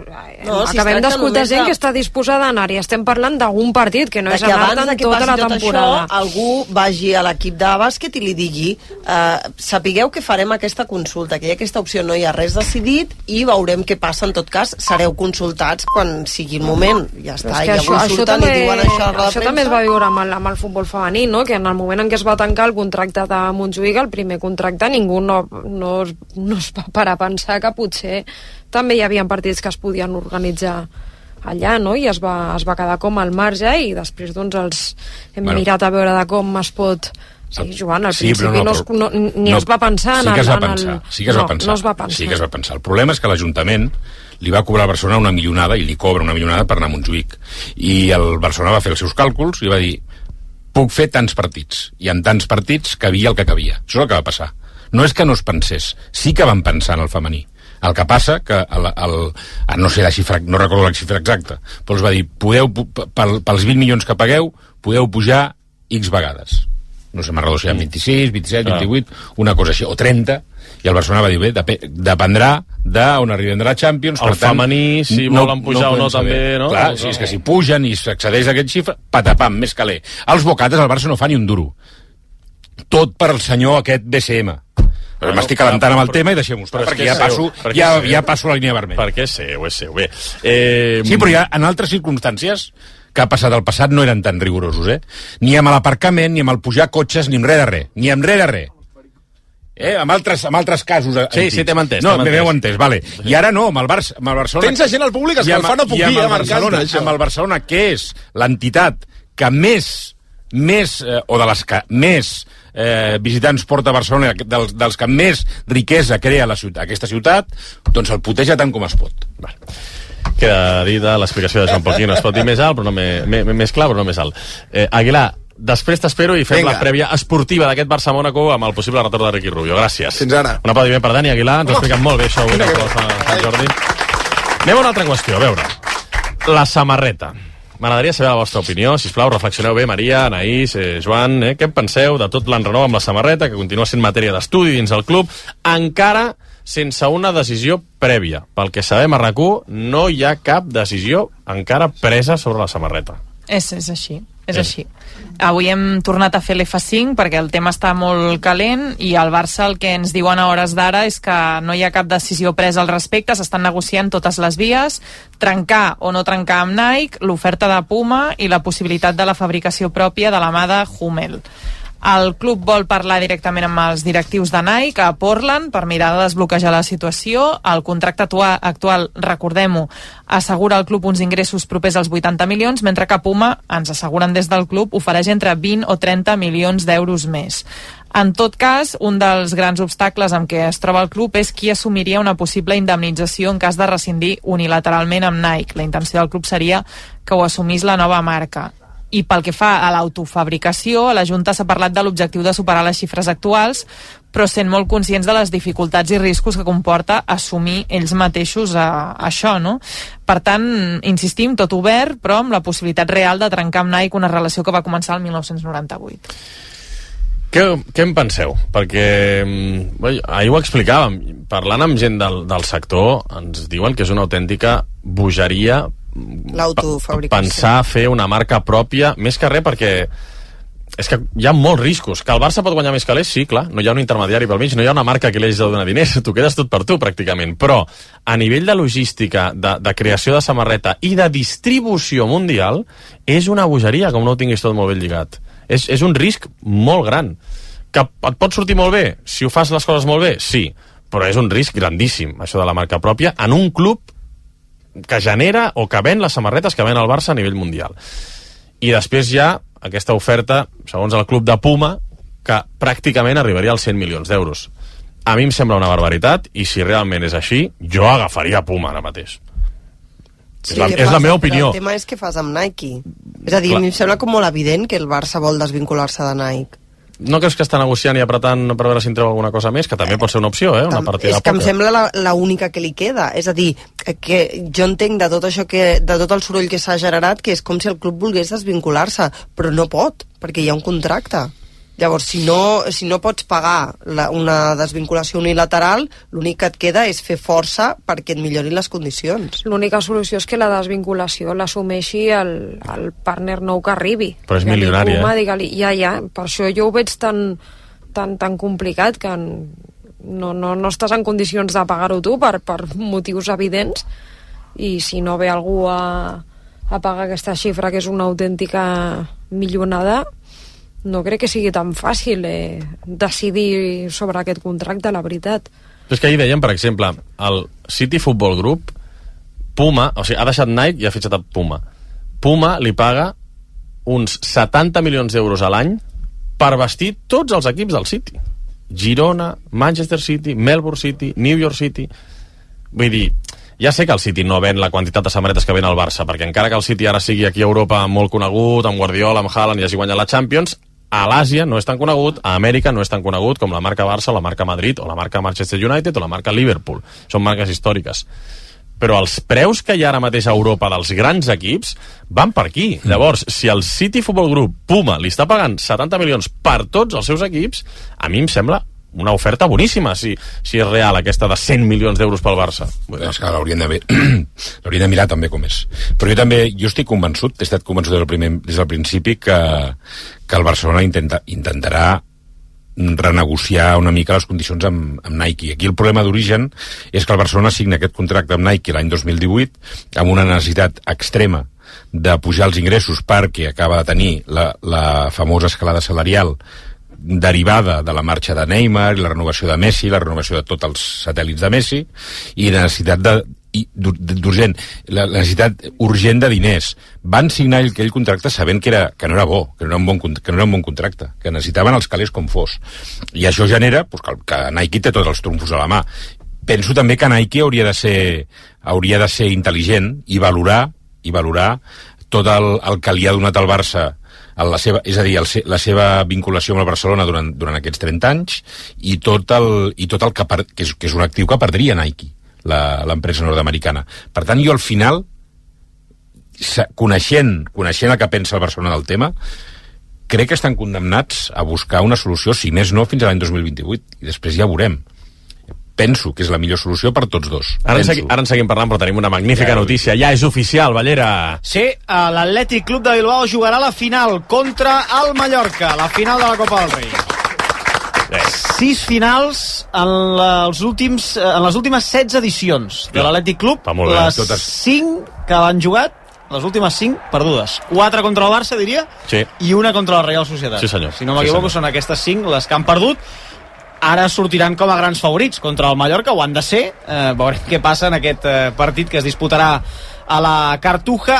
Somrient Ernesto Valverde, notícia, perquè costa veure el somriure. No, no, de veritat, estava, estava feliç, abraçat amb, amb Yuri. Mira, veig que també hi ha merchandising personalitzat. Sí, samarreta d'aquesta commemorativa. Que celebrin, que celebrin molt, que s'allargui la nit, eh? Que s'allargui el divendres. Eh que sí, que s'allargui, que s'allargui tot. Home, jo m'alegro molt pel, pel Valverde, sincerament. Sí, eh? Crec que és un bon tio, crec que és un bon entrenador aquí l'hem tractat molt malament no, no vull obrir aquest meló, eh? però se'l va tractar molt L'afició malament de l'Atlètic de Madrid els estava fent... Els jugadors han anat a saludar-los i els estaven fent que no, que no amb la mà. Eh? Com dient, no vingueu, eh, que la No, no, imatge... com dient, així no. Ah, així no, eh? La imatge ha estat eh, dolentíssima de l'Atlètic de Madrid. En l'últim quart d'hora ho han intentat, però clar, ja anaven perdent 3 a 0. Eh, No ha semblat que fos l'equip que hagués de remuntar, la veritat, tot el contrari. Semblava que era l'Atlètic Club, eh, especialment a la segona part, a l'inici de la segona part, i, en fi, se'n van cap a casa.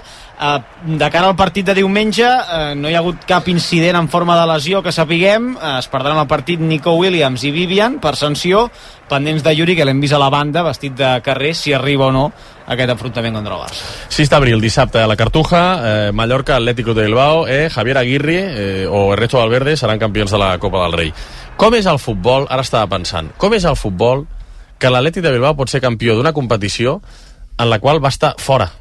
Si la Yamal no falla aquell gol que no fallarà mai més a la seva carrera, estaria eliminat l'Atlètic Club de Bilbao i el Barça hauria de jugar a les semis. Eh? Seria Com és el xulo, futbol, eh? Seria xulo que el Barça estigués Els al 6 detalls. d'abril a Cartuja. Seria molt xulo que estigués al 6 d'abril. Però vull dir que ah, la cosa va de- d'un error d'un pobre nano de 16 anys que no tornarà a fallar un gol així i, i aquest equip no... no ja, està- però tampoc haurien de carregar sobre que no, que no, no, que les se- espatlles de, que no, que se de la mantengui- Minyamal no, que se mantengui, que estic dient que- Està dient que la vida són detalls. Sí, que la vida són detalls, que l'Atlètic És de Bilbao Point, eh? És la pel·lícula de Woody Allen. Però l'Atlètic de Bilbao guanyarà un títol i, hòstia, quina gran temporada, i li va anar, li va anar d'un canto en duro, d'una ungla, una ungla mal tallada de la Minya Mal. Que, o també de que el peix bullit fes alguna cosa, saps? Val. Que, que, que vingués la reacció abans de... Tens raó. Moment per Eh, fem una petita pausa, però recorda'ns, Poqui, quin és l'equip que s'ha classificat per la... Atlètic! Tu diràs, amb Aleix Perisser. La nova temporada de Fórmula 1 a Dazón ja és aquí. I si ens il·lusiona tant, és perquè la Fórmula 1 ens corre per les venes. Amb Alonso, Sainz i el trio Calavera. Entra a dazón.com i no t'ho perdis des de 19 euros amb 99 al mes. Sí, sí, molts portals, moltes webs, molts concessionaris, però al final el tracte, les facilitats i allò que necessitava a l'hora de trobar un cotxe només ho he aconseguit a edificar.com. No t'ho creus? Prova-ho, prova-ho! edificar.com. I si fa falta, te'l portem personalment fins a casa. Bona nit. En el sorteig del migdia de l'11 d'avui, la data guanyadora ha estat... El 25 de desembre del 1940. I el número de la sort, el... 11. Recorda que demà, com cada divendres, tens un pot milionari en el sorteig de l'Eurojackpot de l'11. I ja ho saps, a tots els que jugueu a l'11, ben jugat.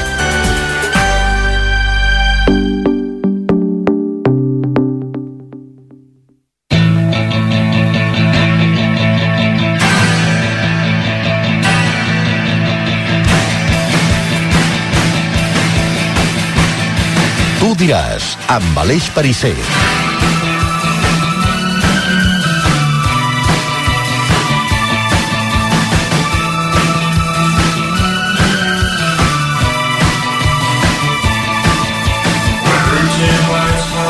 Ens havíem quedat amb, amb, amb això de la samarreta, si algú vol fer algun comentari més, Nike, Puma, marca pròpia, què en penseu? Bé, Que estan condemnats a arribar a un acord. Va, jo també ho crec. I que tot això hi ha, hi ha molt fum per, sí, per Home, pressionar. sobretot lo per del el marca pròpia La- i la manufacturació- el, que, que el Barça s'encarregui de distribuir, de gestionar una cosa Mira, tan... està el, està el Barça, Està el Barça com per, ha- per, distribuir per samarretes. posar-se a fabricar i distribuir Perquè hi samarretes. iaies teixint en un balancí, saps? No, però em, em dius, escolta, si fos als anys 70, que hi havia una, una indústria tèxtil. Sí, potent, potent. potent sí, a Catalunya, em diria, home, doncs potser sí que té un sentit. Ja, però et pots associar Però amb qualsevol mateix- marca internacional amb això. Sí, el Nàpols crec que, que porta, que està associat amb, amb Armani i, i, i fan com les samarretes del Nàpols eh, mm, vull dir, com, com seria amb Hummel però igualment jo entenc que és molt més pràctic pel Barça centrar-se en altres coses És que clar, parlen de, la, delegar tot això. parlen de la pasta final, parlen dels diners, dels ingressos i de com millorar-ho i, i s'obliden de... O sigui, quan, quan s'explica o, quan, o quan es parla d'aquesta possibilitat s'oblida del cost de fer la samarreta, de distribuir-la, de portar-la a tot arreu... Eh, clar, és que... Um, hola, bona tarda. No, I que potser tu pots trobar un cost eh, molt econòmic de distribució que llavors et genera molts problemes, perquè potser no és del prou efectiu, no arriba a tot el món... I no... la presència. Clar, exacte, llavors Nike. tens problemes... És que Nike... No, no. Ah, ahir dèiem que el Barça té un deadline que és el mes de març. Vull dir, en els pròxims 30 dies el club vol prendre una decisió sobre aquesta carpeta. Compte també amb els deadlines al Sí, Barça, sí, perquè és el ja que sabem que són molt flexibles, eh? Però- però- Vull dir, quan El, convé... de, el de l'Ibero ha caducat tres vegades. Val, però, però ahir, per exemple, gent del mundillo em explicaven que a l'abril màxim s'han d'enviar totes les samarretes de la temporada vinent, perquè si no, no arriba la distribució. I que de cara al desembre-gener s'ha de decidir ja la, la samarreta 25-26 i s'ha de començar a, a fer tot el procés a un any i mig vista, vull dir que no és fàcil fer això, no es pot fer d'un dia per l'altre vinga, anem a fer 3 milions de samarretes Vinga, iaies, No és el. Valencí. Sí. La 24-25 ja està decidida. Ja està decidida, per això En dic, qualsevol cas, la temporada que ve el Barcelona portarà Nike. Clar. En qualsevol Clar, cas, clar. encara que trenquin el contracte. Sí, sí. La, la temporada que ve portaran Nike. És que és, a partir de la és una 25, samarreta 26. molt important. És la del 125 aniversari, sí, sí. que això ara no es pot canviar de, de cap manera. Bé, així està, anirem informant, seguirem informant.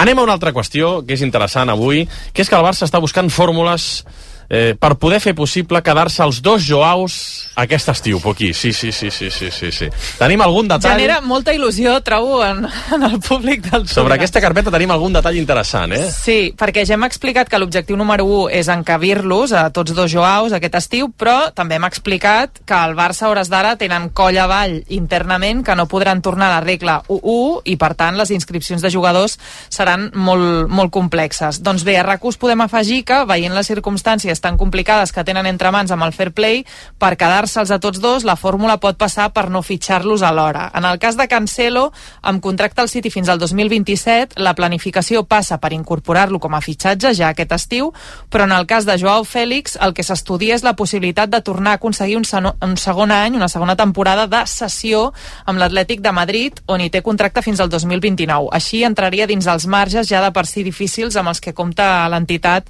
en termes de fair play. Hem de subratllar, però, que més enllà de tenir pactat amb la gent Jorge Méndez el compromís que tots dos Joaos es quedaran, ens asseguren des del club que no està decidida encara la fórmula exacta i que la sessió de Joao Fèlix encara s'ha de plantejar amb l'Atlético i s'ha de veure eh, en quins eh, terminis i en quines condicions eh, es planteja. També ens destaquen que encara no saben si podran fer de més i de menys en un mercat que es preveu, això sí, ja ho assumeixen internament amb molts moviments, perquè recordem que el Barça ha de fer una gran venda perquè li surtin els números.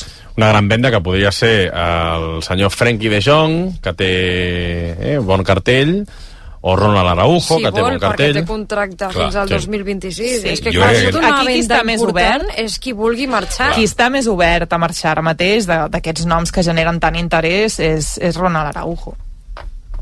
És així, és que, no està, és que els jugadors són els que manen sobre els seus contractes. Si hi ha un vincle fins al 2026, ja poden dir missa amb una gran venda i a veure si el podem vendre, que si el futbolista no vol marxar, no marxarà i seguirà cobrant exactament el mateix. Llavors és que aquestes mesures de, de, de, de, de pressió a, cap als jugadors, però si és que tenen contracte. Tenen contracte, no? Doncs ja. L'única manera Si és que marxi no... Frenkie de Jong i qualsevol és que eh, algun altre club el sedueixi, per exemple. Pues, Exacte. fa dos anys al Manchester United i ara pues, es parlava que podia ser el PSG, però hauria de ser que aquests clubs el, realment eh, parlessin primer amb, amb ell, l'entrenador que, que tinguin, en aquest cas el, el que va tenir que estava al Manchester- al Manchester United, el convencés per anar, i aleshores es podria fer, si, com diu l'Anaïs, si el jugador no vol, el Barça es pot posar com vulgui, com vulgui. Que també és veritat que els jugadors el que han de veure és que hi ha un projecte esportiu, que l'any que ve, si Xavi marxa, com eh, passarà, eh, l'entrenador que arriba mm, potser els agrada, els convenç, no? Eh, que el club aconsegueix sortir de l'etapa fosca que va dir la porta i tornar a la regla 1-1 i potser fitxar dos o tres peces que, que la plantilla digui hòstia, aquest any encara Però farem alguna cosa. no pinta. Ah, clar, vull dir que ara mateix la sensació I el- és a dir, no sí, però pinta això també així... seria i- interessant que també eh, mm, fessin el pensament contrari, és a dir, que està molt bé exigir-li al club que et proposi o que et sedueixi amb un, amb un projecte, amb uns eh, fitxatges o amb un canvi d'entrenador i tal, però tu també eh, entenc que tu tens el teu contracte i d'aquí no et mou ningú, però eh, què proposes tu? perquè si Frenkie de Jong proposa el que ha proposat aquesta temporada, doncs potser la temporada que ve, eh, per molt seduït que estigui aquest projecte, tu estaràs a la banqueta uns quants partits. No sé. Sí, és a sí. dir, que jo crec que el club està lligat de mans i peus, però a nivell esportiu també hi ha manera d'acollir aquests jugadors, que Frenkie de Jong no és un jugador que ha vingut per estar a la banqueta, però, xato, si fas la temporada que estàs fent, Ja, però, per exemple, de passar uns partits. Ronald Araujo, mm, si el sedueixen des de Munic, com sembla, i veu que aquí El que sabem, la cosa va el pel pedregar un any més... I en la línia del que ja s'ha publicat a Mundo Deportivo amb el company Ferran Martínez, el que sabem és que, és que va, són uns cants de sirena que no estan ni aparcats, ni apagats, ni, ni guardats al fons d'un calaix. O sigui, hi ha tema amb Ronald Mm. Araujo i hi haurà tema aquest estiu amb Ronald Segur, Araujo. segur, això, segur és, que això, és, això és així, això és així. Clar, i si el jugador no veu aquí, aquí sí que en el cas d'Araujo sí que veig claríssim jo que si el jugador no, no detecta que el, que, que, el, que, el, que, el, que, el, que el Barcelona pugui estar competint realment per, per, per Champions la propera temporada, pugui pugui pensar, ostres, tu, o que vingui un entrenador que diguin, ostres, eh, no sé, No, clar, si ve... Si ve Això és més complicat, eh? Jo Sí, crec que Araujo això- li agrada a tothom. això és més... Això és, no, no, no, dic en el sentit de que, de que, de que tu pensis que amb l'entrenador que porta el, el, el, el club doncs no n'hi no, no n'hi hagi prou per competir o que Mm. el projecte Sí, no... sí, exacte. Clar, si, si tu parles amb, amb l'entrenador del teu club de destí o parles amb la gent que dirigeix el teu club de destí i, i sí que t'asseguren termes econòmics al marge, eh? que això també és un altre, un altre tema, però si, si t'asseguren una sèrie d'objectius esportius que veus assumibles d'una manera molt més fàcil que no pas el Barça, que, que no saps quan tornarà a guanyar una Champions, doncs, ostres, Potser aquest any. Té sí, Perdó? tota la pinta. És que està, està, encara està en joc, era Champions? Sí, sí, sí, ah, sí, sí, sí. I el Barça no està eliminat. No, no, mira l'Arsenal, està més fotut l'Arsenal que el Barça. I semblava l'Arsenal un dels favorits. Super. Arteta, eh? Super Arteta. Favorit de l'Arsenal des de quan? No sé, jugava molt bé, va, va fer una fase de grups molt bona. No, eh? Val, val, val. I va perdre contra el Porto, no? 1-0, sí. Qui va guanyar el Porto? El Barça dos ah, cops. Mm? ah, vaja. Dos cops, eh? Vaja. Un patint molt, però va guanyar el Barça, sí, sí. Mm. La setmana que ve torna a la Champions. El Leipzig no, no, no hi confiem, no, el Bernabéu, Poquí. No, no, si va perdre ja 1 a 2 o 1 a 3. 0-1. Ah, 0-1. Sí. Res, res. No, no, eh? No, eh? Impossible. No, Dani Olmo no, eh? No. no. I, No, si, no. I si marquen, li, an, li anul·laran, potser. Ja va passar. No, ara una pregunta seriosa. Si, si aquest dissabte al Madrid li dona per punxar el, a Mestalla, pugem al carro una mica de la il·lusió o no? Home, et poses a Sí, veig la Maria il·lusionada, eh? No, saps què La passa? Maria que jo està canaletes amb assumit- la Champions, No, ja. no, jo he assumit està allà, que ja. aquesta temporada no tinc enormes expectatives, però tampoc enormes... Um, Que pot passar qualsevol cosa. Sí, que està el Barça tot tan aquesta temporada ha estat capaç de coses dantesques en un sentit i en un altre. Per tant, penso, de moment encara es pot. De moment. Que no pinta, que no... Però també pintava partits que havien de guanyar i han perdut. Dependrà del que- sorteig. De, primer has de passar i després, doncs, com sempre, dependràs de, de l'atzar i de l'equip que, Clar, que, que com a et quarts a et toqui el City, doncs... Doncs no, però si et to... doncs no, no adéu, passaran. adéu i És extremadament complicat, però si et toca, no ho sé, el, el PSV o jo què sé, coses més estranyes. El Lazio, que ha guanyat el Bayern, Sí. el Porto, o sigui, eliminar el Home, si fos el Madrid, segur que li tocava el PSV eliminaria Sí. el Borussia Dortmund i tocaria el Madrid, segur. Sent el Barcelona, potser no. Però en, en el tema Lliga, escolta, si, si el Madrid punxa València, jo estic convençut que el Barcelona guanyarà a Sant Sant Mamés. Mamés, escolta, et poses a... A 6. A 6 punts i ja has d'anar... amb- És, és, Ja és evident, allà, sí, és, sí. és evident, hi ha un enfrontament directe amb el Madrid. És evident que el Barcelona no pot fallar més. Això és evident. No, i que ha de guanyar el Bernabéu. En aquest I ha, i ha de guanyar el Bernabéu. Si no El guanyes allà, que, oblida't ja. Per molt que vegis que el Barça eh, podria no fallar més, Mm. jo en, en el cas de la Lliga el que veig molt complicat és que el Madrid punxi. Doncs jo no ho veig tan complicat. Mira, jo no ho veig tan, de veritat, de de veritat, jo no ho veig tan complicat. Sí, però van guanyar. Però de No, a mi em sembla, però a mi em sembla és més, un- Però sempre guanyen. a mi em sembla més, més perill, més, més poc fiable el, que el Barcelona no falli. O És a dir, això també, com, com? això també. em En sembla canvi, el Madrid fiable, veig que pot fallar, perquè estan, Sí? perquè van tir... Sí, jo veig que pot... Què vol dir fallar? Eh, Empatar, no? Empatar Sí. per dos punts. Sí. És Doncs que veig sempre que pot estan, passar. estan molt a prop i acaben guanyant, eh? D'aquí a... Sí, però pot, pot deixar de passar. D'aquí a 48 hores, eh, Vinícius torna a Mestalla, no? És, és el gran focus d'atenció. És dissabte a les 9, eh? Dissabte a les 9 de la nit, aquest partit. València, Real Madrid, que arriba carregat eh, després de tot el que va passar la temporada passada, eh, que va acabar amb alguns insults racistes cap a Vinícius, i tot el que ja sabeu. Avui, eh, s'ha fet oficial que el partit el xiularà Gil Manzano. Veus? Gil Manzano. No hi haurà Aquí- vídeo, doncs, no? Eh, sí, sí que han fet vídeos. Sí. Ah, sí? Ojo, sí. Qui al bar? Al bar. Ja n'han fet vídeos, sí, sí. Ah, al bar, al bar. Qui al bar? Al bar, eh, Monuera Montero. Vale. Ah, el Barça a Sant Mamés, qui el pita? El Barça a Sant Mamés, el Pita Hernández Hernández, que és el de Ai. l'Almeria, el del Madrid-Almeria. Qui, teni, qui tenim al bar? Del Cerro? És del cel. Han fet pleno! El pleno! Bravo, bravo, bravo! Tots, els han posat a tots! No s'han deixat a ni un! Estan tots allà, tota Mira. la banda de Jesse James al, al, al, al bar i al, i, al, i al camp el diumenge. Madrid Televisión, avui, sobre Gil Manzano, l'àrbitre de Mestalla. Jesús Gil Manzano será el encargado de arbitrar el trascendental partido entre el Valencia y el Real Madrid. Temporada 2020-2021, jornada 9. El Real Madrid visitaba Mestalla con Gil Manzano en el campo e Iglesias Villanueva en el bar. Y por primera vez en la historia, pitaron tres penaltis en contra del Real Madrid en un mismo partido. Aquella noche Gil Manzano pitó penalti en esta acción de Marcelo con Maxi. Cuando vemos que el brasileño gana la posición e incluso toca balón, y es el valencianista el que derriba por detrás a Marcelo. Sin embargo, el extremeño pitó penalti a favor del Valencia. Desde el bar, Iglesias Villanueva tampoco avisó para que se revisara la acción.